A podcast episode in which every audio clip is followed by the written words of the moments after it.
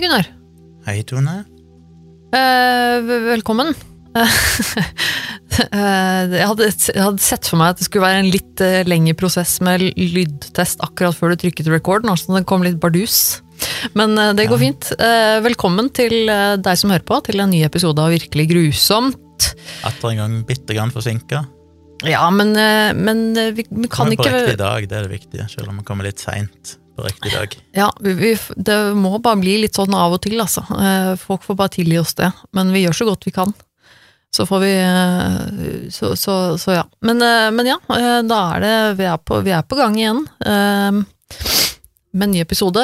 Jeg har ikke oversikt i dag. Det er din, det er din dag, holdt jeg på å si, Gunnar. Men før jeg slipper deg løs på, på dagens tema, så skal jeg nok en gang minne våre kjære lyttere på at vi mottar med glede tips og tilbakemeldinger fra dere på mailen vår, som er virkelig grusomt at gmail.com.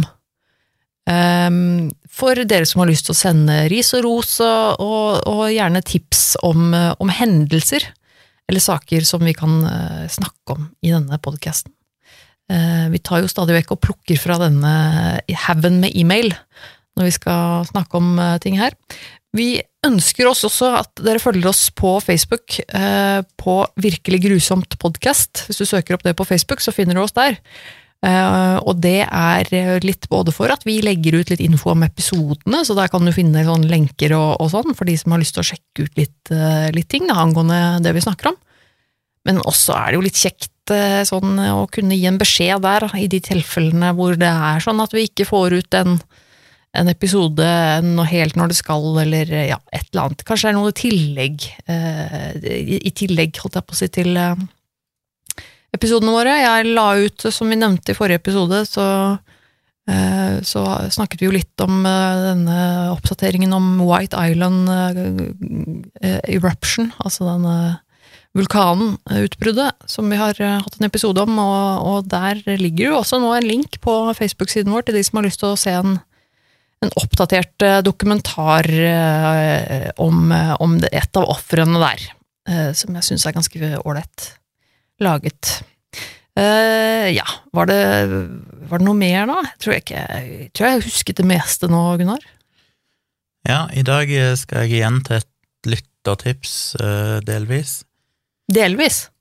Ja, for det sp- spant Jeg vet ikke, jeg, denne episoden blir kanskje litt rar. Det tenkte å ta for meg litt flere forskjellige historier som bare sånn Oh, Kanskje ikke er helt direkte kobla til den første hovedhistorien, men kanskje de er der likevel. ok. Men eh, jeg fikk et tips av ei som eh, heter Hilde, som tipsa om en sag som når jeg klikka meg inn på linkene hun sendte, så tenkte jeg shit, dette har jeg aldri hørt om, og det var ganske fælt. Aha. Og det er Vi skal tilbake igjen til 1985, til Colombia. Og der eh, 13. november så var det et vulkanutbrudd. Vulkanen Nevado del Ruiz, Hvilket år var det, sa du? 1985. 85? Ok. Denne vulkanen hadde vært stille i 69 år, men myndighetene hadde fått noen advarsler, sikkert fra geologer eller et eller annet sånt, om at eh, det var mm, bevegelser, det, var, det kunne komme et utbrudd, og det hadde de fått blitt varsla om eh, et par måneder før utbruddet kom. Men de gjorde jo ingenting med det. De advarte ikke folk i nærheten. De gjorde ikke noe grep for å beskytte folk i nærheten. Nei. Så da denne vulkanen eksploderte, eller hadde et utbrudd 13. november 1985, så var det 13 landsbyer som lå rundt denne vulkanen, som ble ganske så hardt ramma. Og den som ble hardest ramma, er en by som heter Armero, Oi. som hadde en, eh, et befolkningstall på 29 000, der mer enn 20 000 av de døde i dette utbruddet. Men er, i all verden eh, mye, Det var jo mye Det var mye folk. Jeg så for meg at det var på en måte sånne små tettsteder. Altså 13 landsbyer og så mye folk. Da var jo det var mye folk. Jeg skriver 13 Jesus. landsbyer, villages, Ja. men så snakker de om Armero, det er en omtale som en town, så jeg vet ikke om det er inkludert i om det var liksom både Men tydeligvis både større og mindre steder, da, men denne, ja. jeg vet ikke om det er det største stedet, men iallfall Armero var den som ble hardest ramma. 29 000 innbyggere, og noen plasser har jeg lest at opp så mye som 25 000 endte opp med å dø, så andre plasser så skriver de 22 000, men Det er mange. Ja. det er rundt fire av fem innbyggere endte opp med å dø. Og det er jo ille nok i seg sjøl. Dette utbruddet skjedde klokka ni på kvelden, lokal tid. Da begynte denne vulkanen å slippe ut, som de ofte gjør, en, eh, en sånn miks av lava og veldig varm aske. Men når han hører om vulkanutbrudd, så tenker han jo ofte at det er lavaen som tar liv, at det flommer lava ned, og det setter fyr på ting og sånn. Det var ikke i dette tilfellet, og kanskje i mange tilfeller, så var det ikke lavaen i seg sjøl som egentlig gjorde så mye skade, men det er noe som heter for lahar. Mm.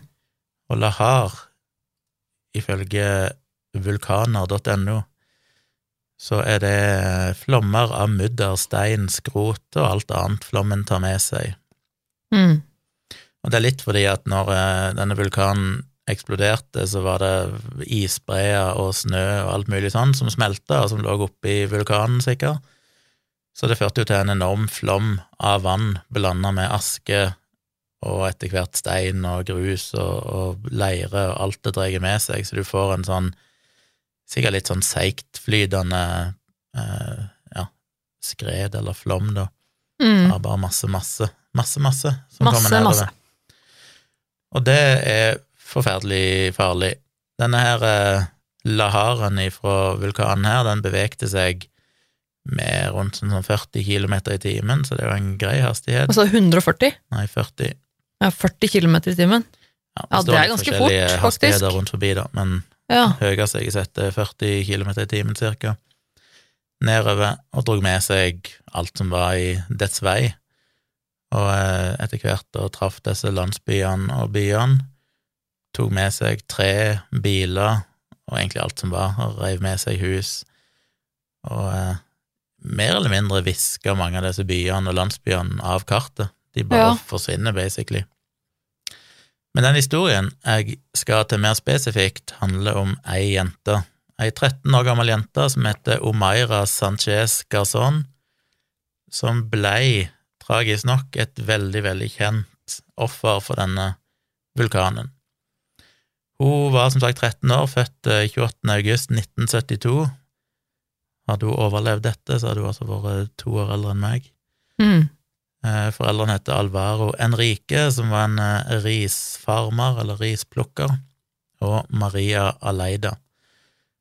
Og Omeira, altså denne jenta, hun var jo en helt vanlig tenåringsjente, gikk på skolen, var en eh, god elev, men ellers vet en ikke så veldig mye om henne.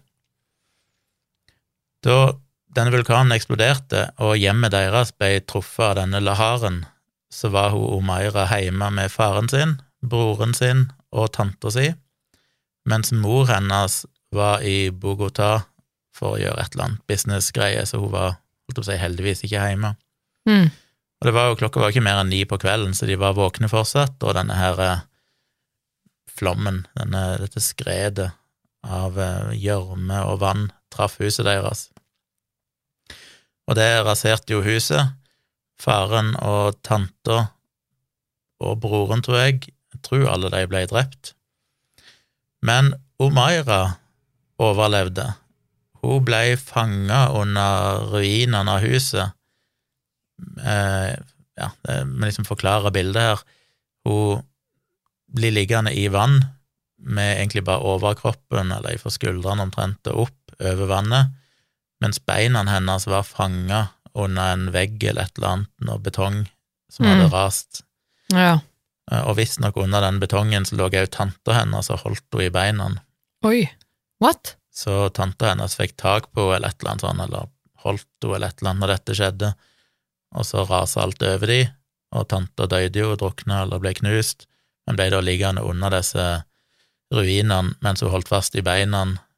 Oh. Så du kan se for deg at Omeira, akkurat som hun satt på kne på et gulv, og så er det som er under knærne, liksom det er festa fast under ei betongblokk, Ja. mens overkroppen går rett opp 90 grader. og hadde overkroppen da over vannet. Så hun ble, etter noen timer, så ble hun funnet, og det kom litt redningsarbeidere og sånn til stedet.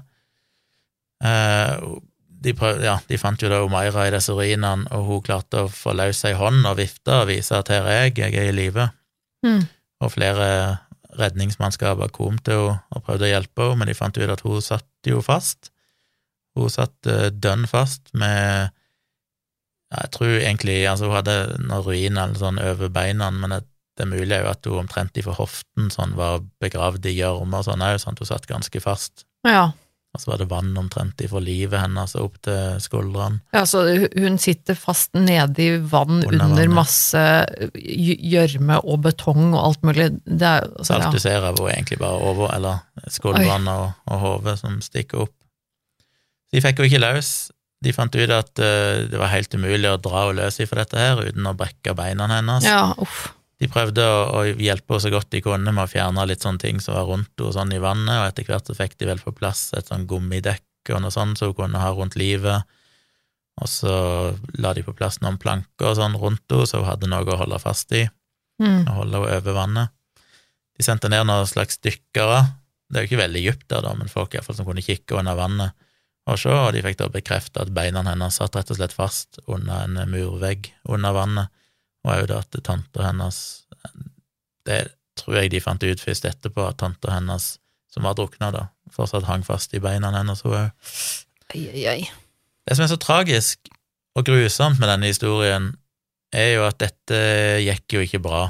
Nei. Hun sitter jo fast der. Der er folk rundt henne.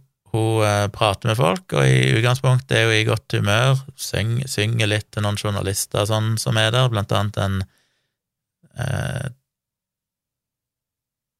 Ja, en journalist, jeg trodde først han var tysk, men han hette, eller hun, litt usikker, som heter German Santa Maria Barragan. Som hun sang til og sånn, og spesielt litt spørsmål. Så, så hun er jo tilsynelatende ok, da. Altså, Mm. Det virker ikke da som hun er i noen sterke smerter heller, egentlig, da? Eller er hun på en måte Nei, hun er ikke uttrykk for det. For, for jeg, ja, for at da, jeg tenker jo på en måte at enten så for bein, Det kan jo hende at, at hun sitter fast uten å være veldig skadet, men jeg tenkte jo med en gang at, at beina hennes på en måte var knust og sitter fast inni no, noe. Men det er Det er kanskje nok eh, kanskje det ikke var- det, men det er nok Ja. iskaldt vann og Ja, så- ja. sjokk og Ja, adrenalin og mye rart som skjer. Så det at eh, Fordi hun satt jo der og var i utgangspunktet eh, i godt humør og, og var litt sånn Snakket om skolen og en eller annen Ja, litt sånn eh, Var litt bekymra for at hun kom til å bli for sein på skolen, og hvis hun hadde for mye fravær og sånn, så ikke det var bra. Liksom var veldig sånn ja, pragmatisk til det og skjønte ikke helt situasjonen hun var i. Klarer ikke helt å ta inn over seg alvoret, kanskje. Nei. Men eh, så gikk jo tida, da, og til slutt så hadde hun vel vært der i 60 timer. Altså 60? nærma seg, var på det tredje døgnet, og folk klarte ikke å få gjort noe med dette. De hadde rett og slett ikke utstyr, og det skal vi komme litt tilbake til etterpå, men de hadde ingenting de kunne gjøre. De eh, hadde ikke utstyr til å kunne amputere beina hennes på en forsvarlig måte, og det er altså så brutalt at de, de bestemte seg rett og slett bare for at det mest humane vi kan gjøre, er bare å holde henne rolig helt til hun dør. Nei, fy fader. Så etter, What? på den tredje dagen så begynte hun å bli ganske dårlig, og, og det som gjorde denne saken så kjent, er jo at det kom en fotograf som heter Frank Fournier, som eh, kom til dette stedet på den tredje dagen. Han hadde stressa mye, måtte reise langt og gå i mange timer sånn for å komme fram til denne plassen. Fant da blant annet hun her jenta, Omaira, og fikk tatt et bilde som da gikk verden rundt og ble kåra til årets pressefotografi i 1985 eller 86. Og det skapte òg en stor debatt om, det skal jeg komme litt tilbake til. Men uh, Omaira var jo der, begynte å bli dårlig, og så begynte hun å hallusinere etter hvert og sa til denne journalisten som satt med henne, at hun ville ikke måtte ikke komme for seint på skolen, og snakket om en eller annen mattetentamen eller prøve hun skulle ha, og, Ja.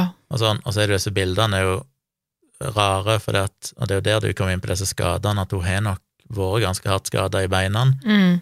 fordi det som til slutt drepte henne, var nok både nedkjøling, Hun ble for sterkt nedkjølt av å være i vannet så lenge.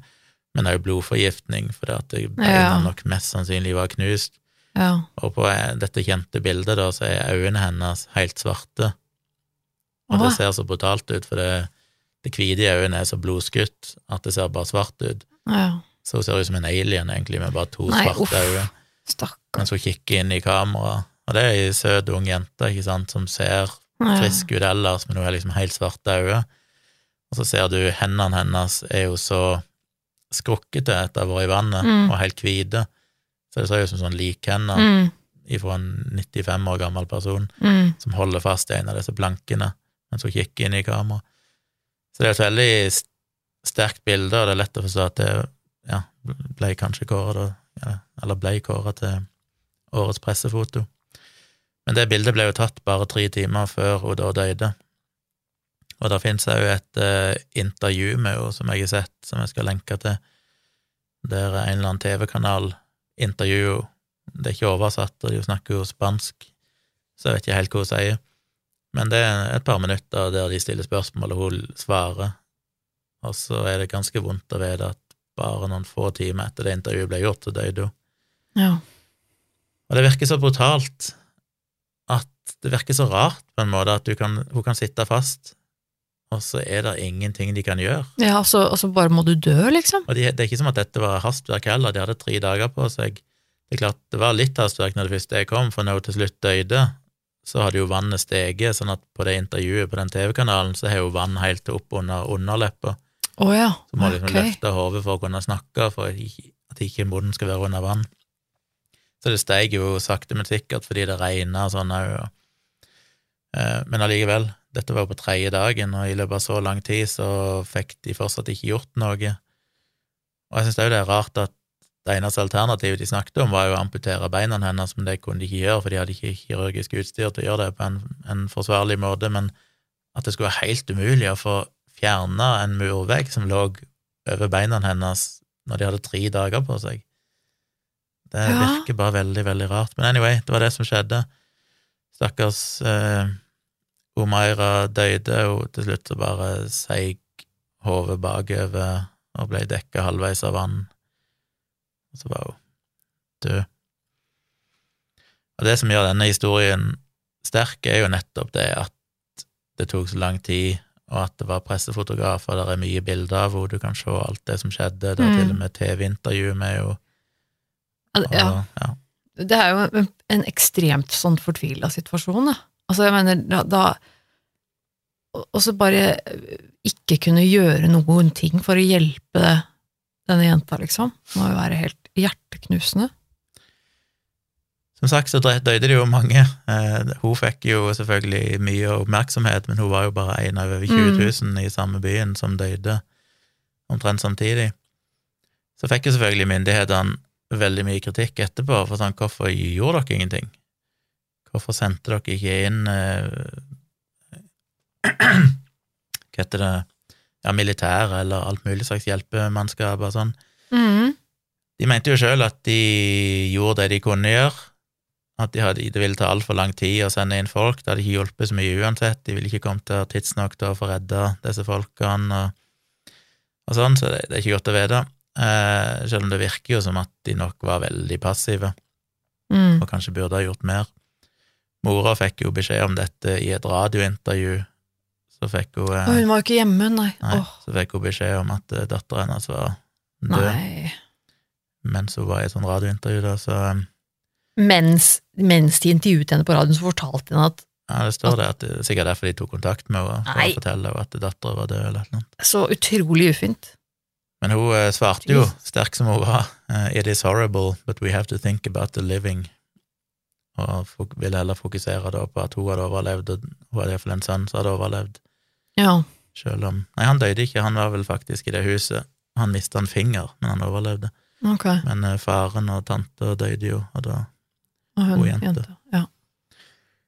Ja. Så ble det jo en stor presseetisk debatt da i ettertid. Jeg vet ikke om du har sett det bildet? Jeg tenkte jo umiddelbart på dette bildet fra sultkatastrofen i Sudan, tror jeg det var, på 80-tallet. Det er et berømt bilde av en sånn liten gutt som er helt avmaga, som sitter Og så sitter det en sånn gribb i nærheten og bare venter på at han Ja. skal dø. Det tror jeg jeg har sett. Og det skapte jo en del oppstyr, ikke sant, for hvordan kan du som fotograf bare ta bilde av dette uten å hjelpe, Mm. og hvor går grenser for når du skal gripe inn, og når du skal holde deg utenfor og bare dokumentere det som skjer. Ja. Han fikk jo en del kritikk i ettertid, fordi Fotografen? folk sier liksom 'hvorfor gjorde du ikke noe', men akkurat i det tilfellet virker det jo veldig rart, for der var det jo hjelpemannskap og sånn til stede. Jeg tror ikke akkurat han journalisten kunne ha gjort så mye, eller fotografen kunne ha gjort så mye til eller fra. Nei. Han kunne jo egentlig bare ta dette bildet, men som han svarte da, uh, When I took the pictures, I felt totally powerless in front of this little girl who was facing death with courage and dignity. I felt that the only thing I could do was to report properly and hope that it would mobilize people to help the ones that had been rescued and had been saved. Mm. Og det var dette fotografiet da ble publisert i et tidsskrift som heter Paris Match Magazine noen få dager etter dette skjedde, og det, da vant han da 1986 World Press Photo of the Year, som da var først da oppstyret starta. Um, men det var jo positivt, for det oppstyret handler jo ikke bare om etikken i bildet, men det førte jo til et press på myndighetene i Colombia Mm. fra hele verden, for liksom hvorfor gjorde dere ikke mer for å hjelpe? Hvordan kunne dere la dette skje? Så ja, dere kan lese mer om det i noen artikler jeg skal dele, men jeg syns det var en såpass spesiell og grusom sak Ja. at uh, du kan se hvis du kikker rundt. Jeg tror det er det bildet som endte opp med å vinne. Å, det er creepy, altså. Det er creepy med de svarte øynene. Uff.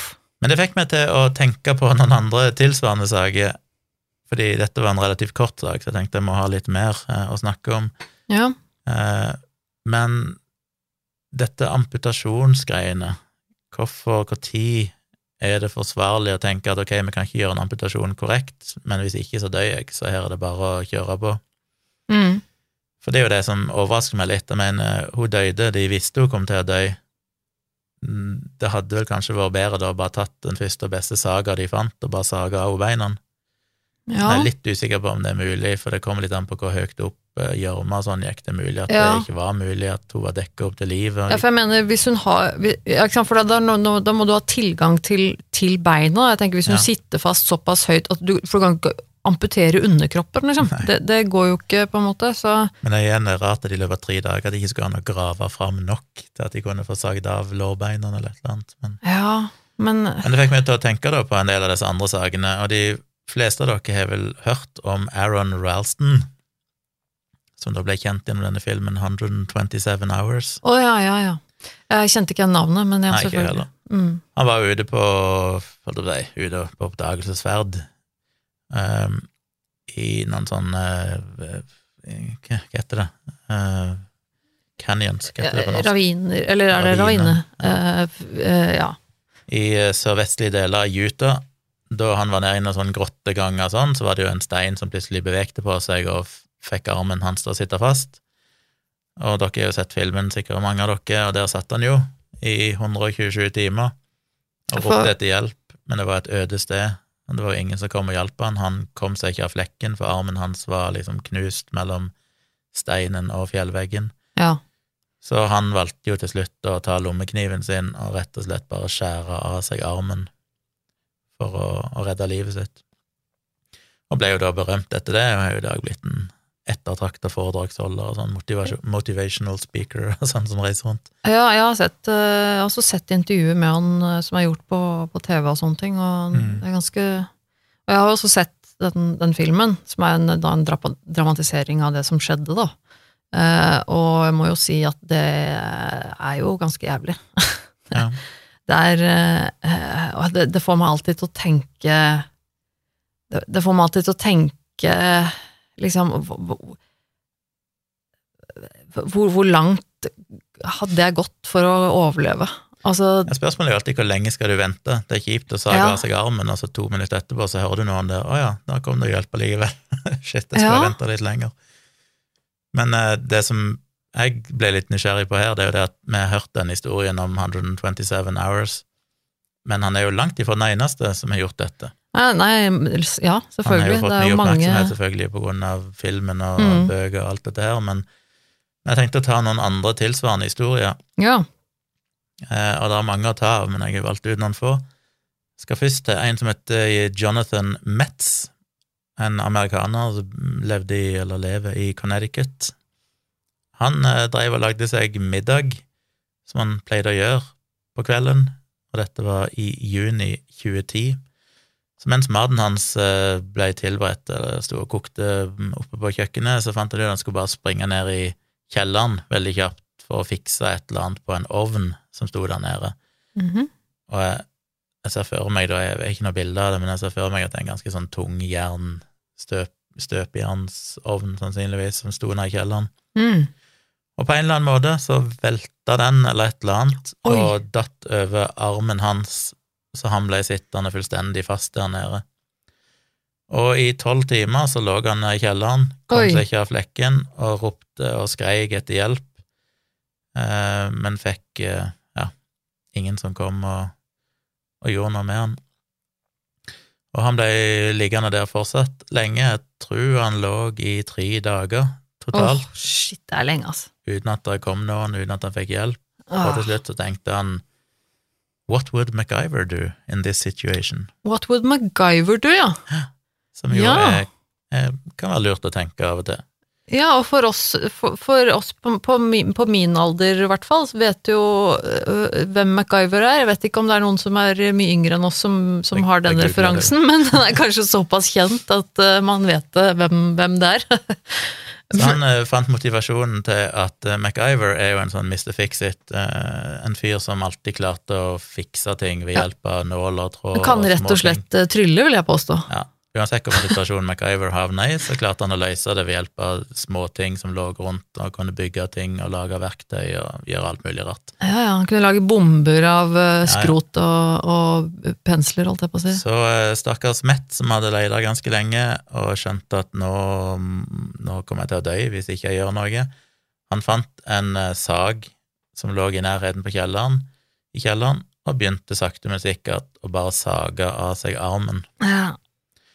Og han hadde nesten sagd av seg hele armen før han til slutt besvimte Ah, ja. av smerter, s- smerte, blodtap, Smert- utmattelse. ja, ikke sant. Og det er jo et kjempesjokk også, selvfølgelig, for kroppen. Det er jo Å, herregud, ja. Heldigvis, eller uheldigvis, alt det som du ser det, så var det en eh, venn av han som samme dagen hadde blitt så bekymret over at han ikke hadde sett noe til Metz på lenge, at han ringte politiet. Og politiet da kom til slutt og fant han da liggende med armen halvveis avsagd og besvimt. Mm. Så kan en jo fort tenke at ok, men hvis han da ikke hadde sagt seg, så hadde jo politiet kommet den dagen, så kanskje det var litt sånn kjipt at han begynte på det. Men de sier det at eh, allikevel så var det faktisk denne selvamputasjonen som redda livet hans, fordi selv om han ikke fikk amputert hele armen sin, så hadde han allerede da fått såpass mye blodforgiftning i armen at hvis ikke den armen ble sagd av, så Hadde ville det ha gått gjennom hele kroppen og drept han uansett. Ja, nettopp. ja. Så ved at han hadde sagd av armen, sånn at han egentlig bare hang igjen i noe fettslinkser, så vidt jeg skjønte, der det ikke var noe særlig blodtilførsel, så var det til syvende og sist det som visstnok redda armen hans. Og når politiet fant han, reddet livet hans. ja, redda livet, Ja. så tok de han til sykehuset, og så ble jo armen amputert, resten av armen amputert Skikkelig. skikkelig, da. ja. Og så fikk han en protese. Så han hadde jo på en måte uansett mistet den armen hvis han, hadde, hvis han ikke hadde dødd. på en måte. Det var ikke noe sjanse for den armen. sannsynlig, pluss Ja. han nok hadde dødd. Ja, ikke Hvis ikke han hadde sagd av armen. Wow.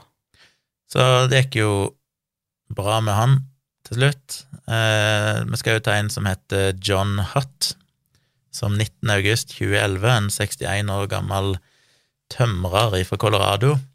Han var ute langt ute i skogen da plutselig seks tonn med maskineri falt av traileren hans, eller lastebilen hans, og rett opp på foten hans Oi! og gjorde at han ble stående bom fast. Eh, han eh, Nei, nei. valgte å ikke vente. Han prøvde jo først å ringe, men fant han hadde ikke noe dekning på mobilen. But of Og han visste òg at det, det er ingen andre mennesker som kommer til disse, denne plassen her. Nei. Så han venta ikke i dagevis, han bare med en gang. Han skjønte at dette går ikke veien hvis Ja. jeg bare venter, liksom. Ja. Så han fant fram en lommekniv han hadde, og amputerte tærne sine, for det var tydeligvis bare tuppen av foten da, egentlig, som, var, som satt bom fast, og Mm. seks tonn med oh. maskineri. Men når du sitter fast, så sitter du fast, og han skar rett og slett av tærne sine, og eh, klarte å komme seg tilbake igjen til sivilisasjonen.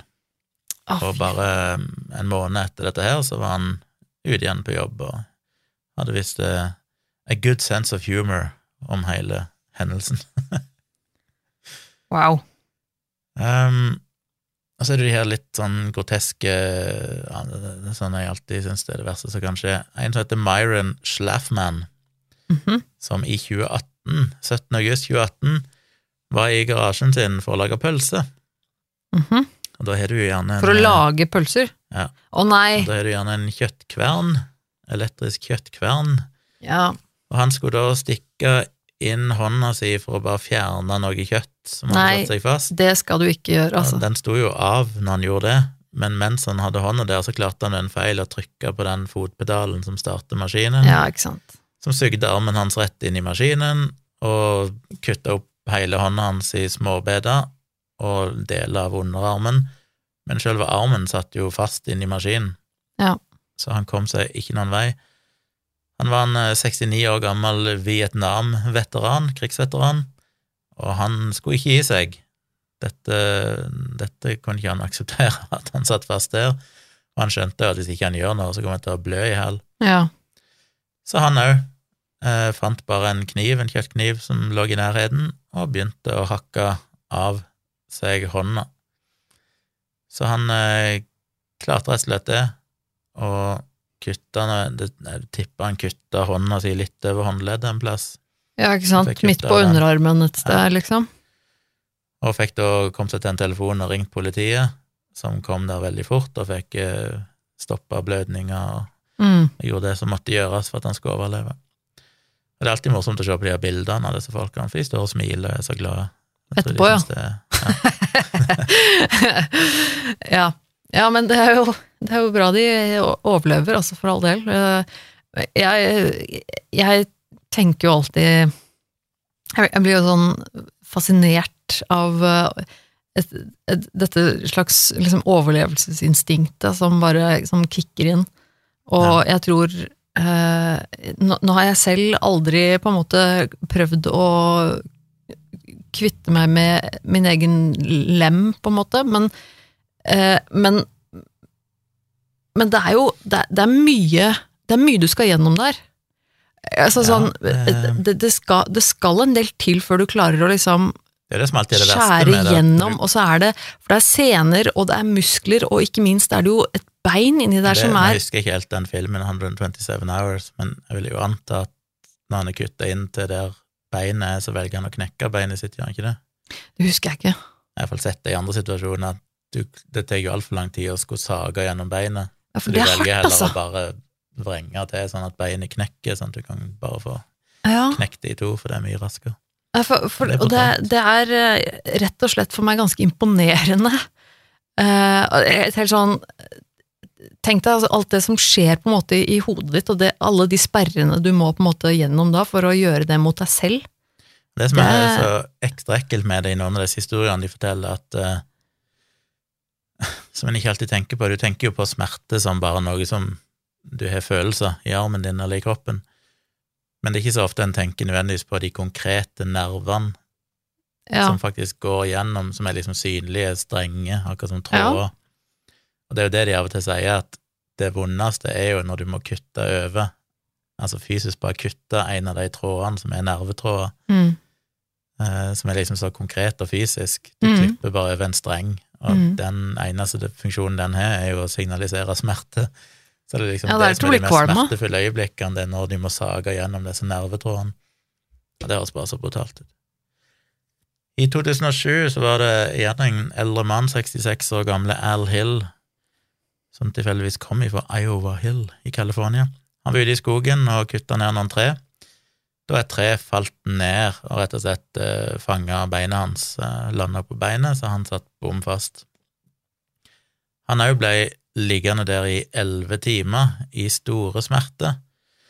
Og det var klin umulig å få løfta dette treet vekk, klin umulig å komme seg noe sted. Han var igjen, selvfølgelig, langt vekke fra folk, det var ikke noe mobildekning der han var. Så han måtte òg gjøre det som de andre har gjort. Han fant en lommekniv, heldigvis har de alltid lommekniv på seg, de her folkene. De som ikke har det, endte kanskje opp med å ikke overleve. Mm. Eh, så han eh, kutter rett og slett av seg beinet rett ned forbi kneet for å komme seg løs, og det er jo en Med en lommekniv. enda større operasjon enn å Fy kutte av seg søren, det er en sinnssyk jobb. Så da han kom seg fri, så Wow. klarte han å rope etter hjelp, og en eller annen nabo som var i nærheten, hørte han, og fikk eh, Jesus. tilkalt eh, ja, eh, hva heter det, ambulansehelikopter som fikk Hvor sterk må du være da? Jeg lurer på, liksom, Hadde hvem som helst klart det, liksom? Det, det, altså, med en liten sånn lomme altså, det, Jeg tenker at det må Altså, er jo være utrolig vanskelig og tungt og Ja, men altså, ja. Er jo, Jesus. du må jo heldigvis, altså selvfølgelig vi sammenligner det jo med at vi er friske og raske her og sager av en arm, dette er jo en situasjon der de allerede har intense smerter og forhåpentligvis òg har mista en del følelser i det lemmet det gjelder, Ja. og at blodsirkulasjonen er stoppa sånn. Så det er jo en Det er jo både smerten som forhåpentligvis er mer overkommelig enn det ville vært å bare sagde av seg armen ellers, men det er jo mer det psykologiske. Du tenker sånn, hvordan Ja, igjen, når begynner du? Hvor lenge, hvor mange dager skal du ligge der, og bare før du tenker at ok, nå er det tid? ja, ikke sant? Åh. Men igjen, psyken òg, når du skjønner at du er desperat, og dette er eneste løsning, så er det vel litt lettere å bestemme seg for det. En annen litt annerledes historie er fra Kina. Det er Cheng Yan Liang. Han eh, var en gård, eller en bonde og fabrikkarbeider i Kina Mhm. som måtte gjøre noe Han ble ikke fanga, men i en annen situasjon så måtte han kutte av seg beinet. Han fikk nemlig en blodpropp, så vidt jeg skjønner det, i det ene beinet, Aha. og gikk til sykehuset, men han hadde ikke råd til å få mer hjelp. Nei. Eh, Eneste måten han kunne få hjelp med å egentlig amputere beinet, som var det som var løsningen, for han ville koste bortimot en halv million kroner eller sånt, Men, men, og det hadde ikke han råd til. men så, så, så han vet De har funnet ut at, at han har en blodpropp i beinet, Mm. Men, men så Men så må Det er jo så absurd. Altså, så, så, så kan han ikke Så han ikke Han har rett og slett ikke råd til at de, at, at de hjelper han med det? Nei, så legene de bare beklagde og sa at det er mest sannsynlig tre måneder igjen å leve, Nei. og så sendte de han hjem. Så han ble sittende hjemme, og beinet ble verre og verre etter hvert. Så, Ja. Altså, dette var jo et bein da, som basically var dødt, fordi det var ikke noe blodtilførsel der lenger. Så det begynte jo å komme små larver og sånn, som infiserte foten hans, og krøyp inn og ut av huden og spiste opp foten. Så han fant ut at det her gidder jeg ikke mer. Nei, det skjønner jeg. Og han har jo en familie og alt mulig sånt, så han tenkte jeg må gjøre et eller annet her. Så tidlig på morgenen 14. april 2012 så tok han et stykke tre i munnen som han beit hardt på, og så fant han en liten sag og en fruktkniv, og sakte, men sikkert rett og slett bare amputerte beinet sitt.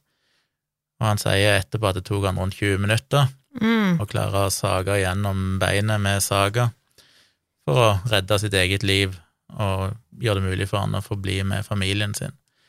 Han mista jo tre tenner for å bite så hardt ned på Han dette, Flankestykket. men han overlevde. Det jeg er litt usikker på, er jo når han da har sagd av beinet sitt, eh, måtte han ikke da på sykehus Jo, etterpå? Og men hva det- gjorde de da? Det ville hjelpe han med, da, eller? Da hadde kanskje sett på som en ulykke eller akutt, jeg vet sånn. Hva i all verden? Jeg vet ikke logikken i dette. Men det var en litt annen situasjon enn rett og slett av medisinske årsaker bare rett og slett amputerte sitt bein fordi sykehuset ikke ville gjøre det. Det er altså så uh, Ja, jeg har ikke Ja, nei, det er det, For meg, det er helt sånn Det er så det, For oss som, som bor i Norge også, er det jo på en måte helt sånn Helt selvfølgelig. Det er jo en menneskerett her, liksom, at vi skal få helsehjelp. Ja. Eh, altså, at det fins fortsatt eh, land i verden hvor, det, hvor, hvor du ikke får det hvis du ikke har penger til å betale for det. Jeg er litt overrasket over at det gjaldt i Kina. Jeg trodde jo Kina var såpass sosialistisk at det var liksom statlig og til, tilgang på helsehjelp, men jeg kan ikke nok om det. Tydeligvis ikke. Der han bodde, iallfall.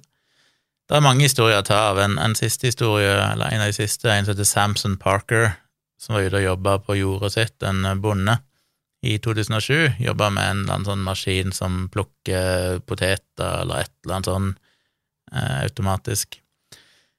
Eh, og klarte òg, da, selvfølgelig, å få armen sin fanga i dette maskineriet, som òg tok fyr. Nei! Så han eh, sitter altså fast med armen i et maskineri som da har begynt å brenne.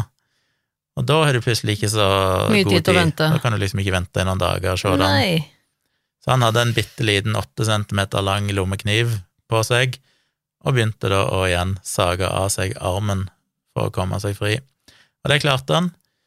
Eh, han sa etterpå at han egentlig ikke følte noen ting mens det pågikk. Og det er jo Ja. på en måte litt betryggende, At han hadde så mye adrenalin og, og Ja, eh, i kroppen, da, at det Ja.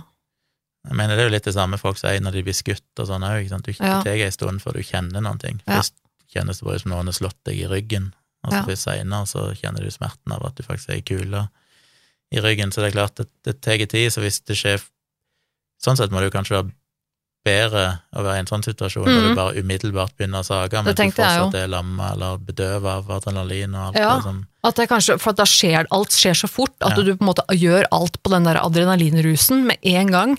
Mens hvis du tar og venter lang tid, så har du på en måte tid til å venne deg til hvor jævlig dette egentlig er. på en måte. Når du i tillegg er fanga i en brann, så er det ikke så mye den psykologiske greia som skal jeg vente, den er der ikke. Du Nei, vet ikke bare at nå må jeg gjøre det. Så sånn sett var jo han i gåsehud heldig i den situasjonen han Ja, var. ikke sant? Fjerna en del av de der utfordringene mentalt. Ja, men ja, da, ja, ja. En eh, brannmann som heter Doug Spinks, som var i, i nærheten, kom der og fant han, og fant at han var sterkt forbrent og blødde jo veldig, men endte opp med å klare å, å redde livet hans, da.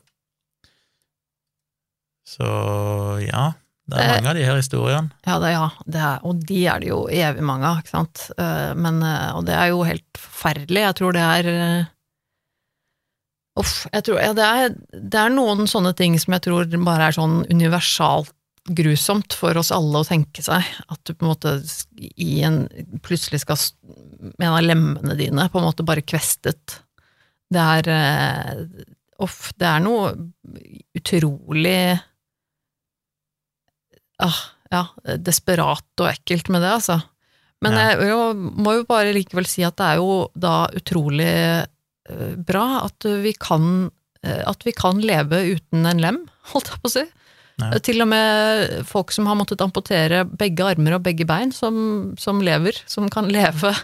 Ja. Og, og det, altså, heldigvis så er jo kroppen vår ganske hardfør, og vi tåler jo veldig mye. Ja, altså det er rart eh, det der med, med hva som er viktig. Jeg mener, ok, det er litt, litt eh, digresjon, men jeg har jo alltid sagt det at eh, det er litt rart at jeg som er, har dårlig syn, både langsynt og nærsynt og alt mulig, må betale sjøl for mine egne briller. ja. Fordi uten brillene så er jeg fullstendig handikappa. Da kan jeg basically ikke gjøre Det er Ja. ingen funksjon jeg egentlig kan gjennomføre uten brillene. Nei. Hvis jeg derimot hadde kappa av meg beinet, så kan jeg gjøre stort sett alle jobbene som jeg ellers gjør. Det ville selvfølgelig vært hemmende i enkelte aktiviteter, men jeg har et ganske stillesittende liv, så i mitt liv så hemmer det meg jo ingenting i hverdagen, men det ville jeg sannsynligvis fått en del støtte til proteser og sånn, regner jeg med, fra staten. Så det er litt Mm. sånn rart hvordan vi vurderer det, for for meg så er jo klart at synet mitt er mye viktigere enn en fot. Eh, Og i dag med proteser og alt mulig sånn, så kan det fungere temmelig greit om du mister Ja. Hvis du kutter det under kneet, eller under Jeg ville heller mista en fot enn å miste ei hånd, for å si det sånn. Ja, og det er ja, egentlig litt sånn eh, godt poeng, det der med hva, hva er det som egentlig Altså, ja, jeg vil nok også si at liksom sansene er kanskje viktigere enn et lem.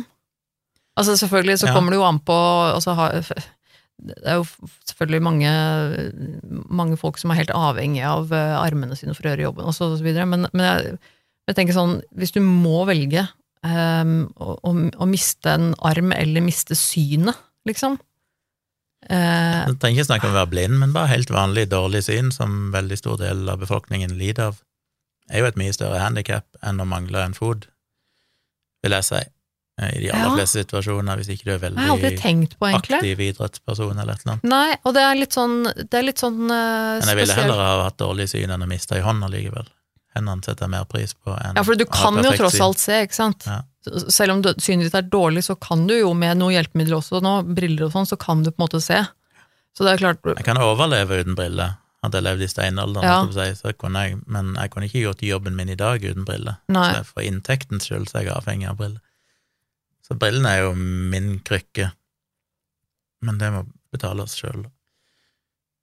Så akkurat i den situasjonen så hadde jeg jo òg sånn relativt sett, det høres jo fælt ut å måtte kutte av et lem, men så lenge det gjelder Ja, skal vi rangere lem her? Jeg ville først kutte av føttene før jeg hadde kutta av armene.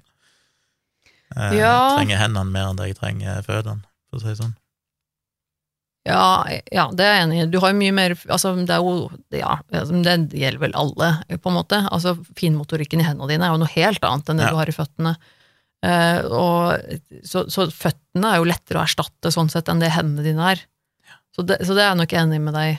Er det selvfølgelig kort. Selvfølgelig er det bedre å kutte det under kneet enn over kneet, for det er kjekt å beholde ledd. Det gjør jo ting mye lettere. Ja. Men ja. Nei, det hadde vært en Jeg vil helst beholde alle lemmene mine og alle sansene mine.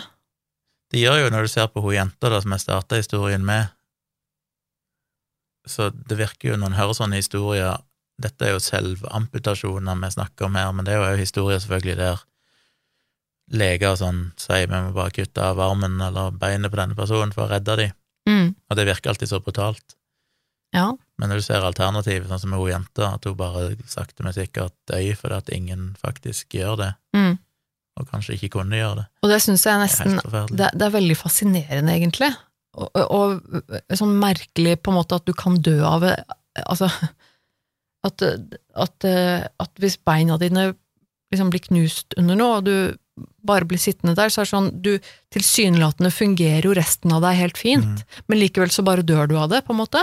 Altså, det er jo Mm. Ja, det er jo fordi sånn når du stopper blodet, så begynner jo kroppen å råtne mer eller mindre, så Ja. får du bakterier, og så sprer det seg, og så jeg, jeg skjønner jo det, ikke sant. Når du, når du på en måte tenker gjennom hvorfor, så, så er det jo på en måte logisk, men det er, helt, det er jo helt merkelig likevel, på et vis. Mm.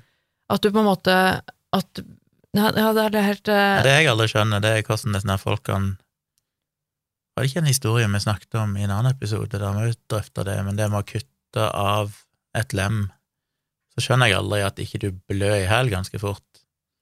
Ja. Hva var det for en historie vi snakket om der noen sa Ja, det var hun jenta ja, som ble kidnappa og kappa av henne begge armene, og så dumpa hun i ei grøft, og så Ja, å ja. sprang hun Mm, naken opp på veien i mange kilometer før hun til slutt Ja. stoppa og tok henne med. ja. Ja, det var jo Sånn. hvorfor blør hun ikke i hæl? Det er så rart, du kutter jo pulsårene, liksom, ja. på begge armene. Skulle tro at det ville ta minutter før du hadde så mye blodtap, men i alle disse historiene her, så har de klart seg ganske lenge etter de har kutta av lemmet sitt, før de får hjelp, uten Mm. at de liksom får blø. Og de har vel til en viss grad kanskje da bare holdt rundt det, eller prøvd å Ja, stoppe blodtilførselen sjøl på et eller annet vis, men Hvis du legger på litt, grann, litt, litt grann press, og som hun jenta også kanskje da på en måte holdt, holdt armene over hodet, det som var Mm. igjen av armene, for å på en måte enda hjelpe til at det var litt mindre blodstrømming, og så, så er jo på en måte Blodet koagulerer jo, og kroppen er jo laget så den skal stoppe sine egne blødninger med å koagulere. Eh, men, men det er klart, ja, det er jo jævlig rart når det er så mye, og det er liksom hoved...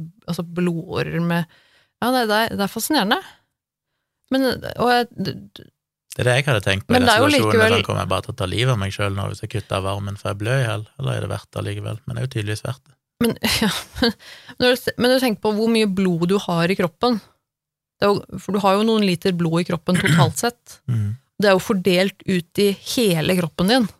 Ja, men det er Så- bare det så fort du mister litt blod, så faller jo blodtrykket så mye at du klarer ikke å pumpe det rundt lenger. Sånn at det, Jo, jo, det, det skjønner jeg jo, men like, likevel så skal det jo da ta litt tid før du mister så mye blod ut av den armen der, at du på en måte mister for mye, da.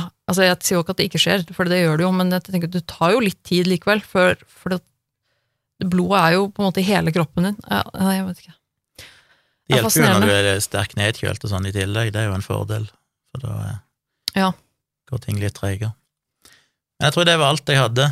En litt rar episode, kanskje, med litt eh, rare historier, men jeg bare ble inspirert. Jeg, jeg måtte fortelle den historien om hun jenta, Ja. for det, når du ser bildene og sånn, så syns jeg den er så forferdelig. Ja, ja den er siden det var en kort historie, så måtte jeg bare ta med noen andre som jeg kom til å tenke på når jeg leste historien om hos deres jente. Ja. Nei, eh, jeg syns det er fint. Jeg, eh, jeg og har inntrykk av flere av lytterne våre også, er jo en, sånn fan av at vi lager en podkast som er litt annerledes. Eh, og det Jeg ser på det som en styrke. Det er kanskje vanskelig å rangere dette på grusomhetsskalaen, for det er Ja. ikke én historie. Men la ikke, hvis Men, du eh, bare rangerer den første historien med hun jenta, Omaira, Ja, hvis du tar utgangspunkt i den, det er liksom historien Ja, denne den, podkasten primært. den Det er jo, det er jo helt jævlig. Eh, veldig Og det er sånn det er, noe, det er noe eget eh, veldig sånn Veldig sånn eh, creepy med den type død. Altså, hvis du, hvis du skjønner, altså et menneske som på en måte tilsynelatende er er til stede og er holdt jeg på å si frisk, da, altså i, i gåsehudene, eh, som du kan snakke med og kommunisere med, og som Nei, og det er noe utrolig creepy med det, altså.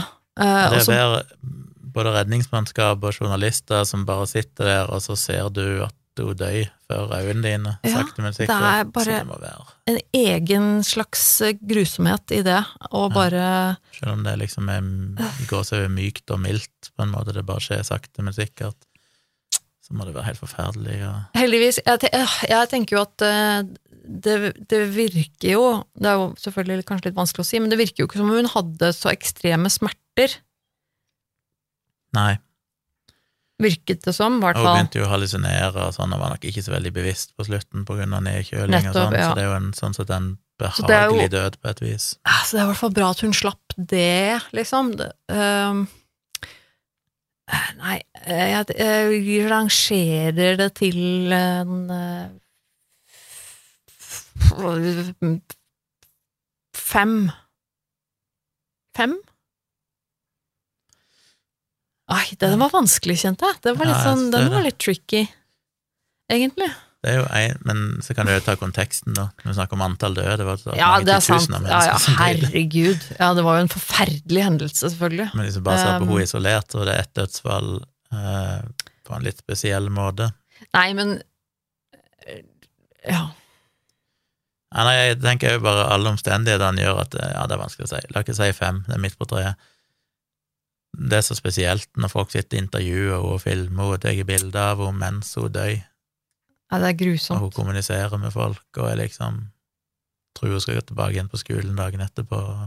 Men det er på en måte nesten litt, nesten litt godt også, for det er sånn du kan tenke at ok, kanskje hun Kanskje hun var på en måte ikke helt klar over egentlig sjøl hva som skjedde. Ja, At Jeg mener måte- at i det videoklippet så sier hun et eller annet, og jeg lurer på om jeg leste den plass, at hun sier farvel til mor si. Å nei. Og det er bare noe av det verste når hun sier et eller annet madre, et eller annet eh, på spansk eh, som jeg tolker som at hun sa farvel, Mm. adios madre, eller et eller annet sånt. Ja, uff, nei. Og det er bare sånn, ah, skjønte hun liksom sjøl da at uh, de hadde gitt henne opp, og ja, nei, det, og da døde hun jo tre timer etterpå, eller noe sånt, så Nei, det er ikke behagelig. Vi er jo spent på hva dere syns. Eh, gi dere gjerne feedback på Facebook under den posten som dukker opp eh, senere i dag, faktisk Mm. Skriv en kommentar om hva dere syns om, eh, om det, og eh, gi en rangering på grusomhetsskalaen hvis dere kan. Og så kan vi jo få feedback på om dere syns det kan fungere med den type episoder som dette. Ja. Etter en litt eksperimentell episode. Sist når jeg snakket om eh, litt diverse Reddit-historier, så fikk vi jo noen tilbakemeldinger på at folk syntes det var eh, kult, og mm. likte det. Så vi kan jo bare tenke at, eh, at Jeg tror folk liker at vi, at vi lager noe som er litt, litt variert og litt annerledes enn andre podcaster. Og har dere er tips til andre typer sånne kategorier av historier, med mange små Mm. historier kanskje, som dere vet om, eller liste, eller et Ja. eller annet sånt? send gjerne tips om det òg. Det eh, hvis dere setter pris på dette, så kan det være gøy å gjøre i andre episoder. Absolutt. Og ellers fortsette å sende tips på alt annet som er grusomt her i verden. Ja, dette her var jo basert på et tips vi fikk inn, så det sier jo bare at vi vil gjerne ha Det nytter, folkens! Til slutt må vi si at eh, dette er nest siste episode før sommeren. Nest. Ja, Vi kommer med en episode neste uke. Mulig den òg kanskje blir forsinka, for vi skal reise litt igjen, eh, men, men det kommer en episode i slutten av juni, og så tar vi oss rett og slett sommerferie i juli. Ja. Så da får dere begynne på episode én igjen, og høre dere opp hvis dere savner noe. Ja, jeg lurer nesten på om jeg må gjøre det sjæl, for jeg har glemt så mye Ja, av de historiene vi har snakka om. Og så prøver vi å være tilbake igjen da i begynnelsen av august en gang, med en ny Jeg Skal ikke si at det er en postsommerepisode, for det er fortsatt sommer. Ja, fortsatt sommer i august. Ja. Men eh, ja. Men eh, vi skal ha, altså ha en liten sommerferie, eh, så jeg håper folk bare unner oss det. Eh, og så, eh, men da, eh, igjen, vi er tilbake neste uke eh, med en siste, siste innspurt før en liten sommerferie. Så send oss eh, fortsatt tips eh, også gjennom sommeren på virkeliggrusomt at gmail.com. Og så takker vi igjen for følget hittil, og håper dere følger oss videre. Utover høsten. Ja. Takk for at du hørte på. Ha det! Ha det.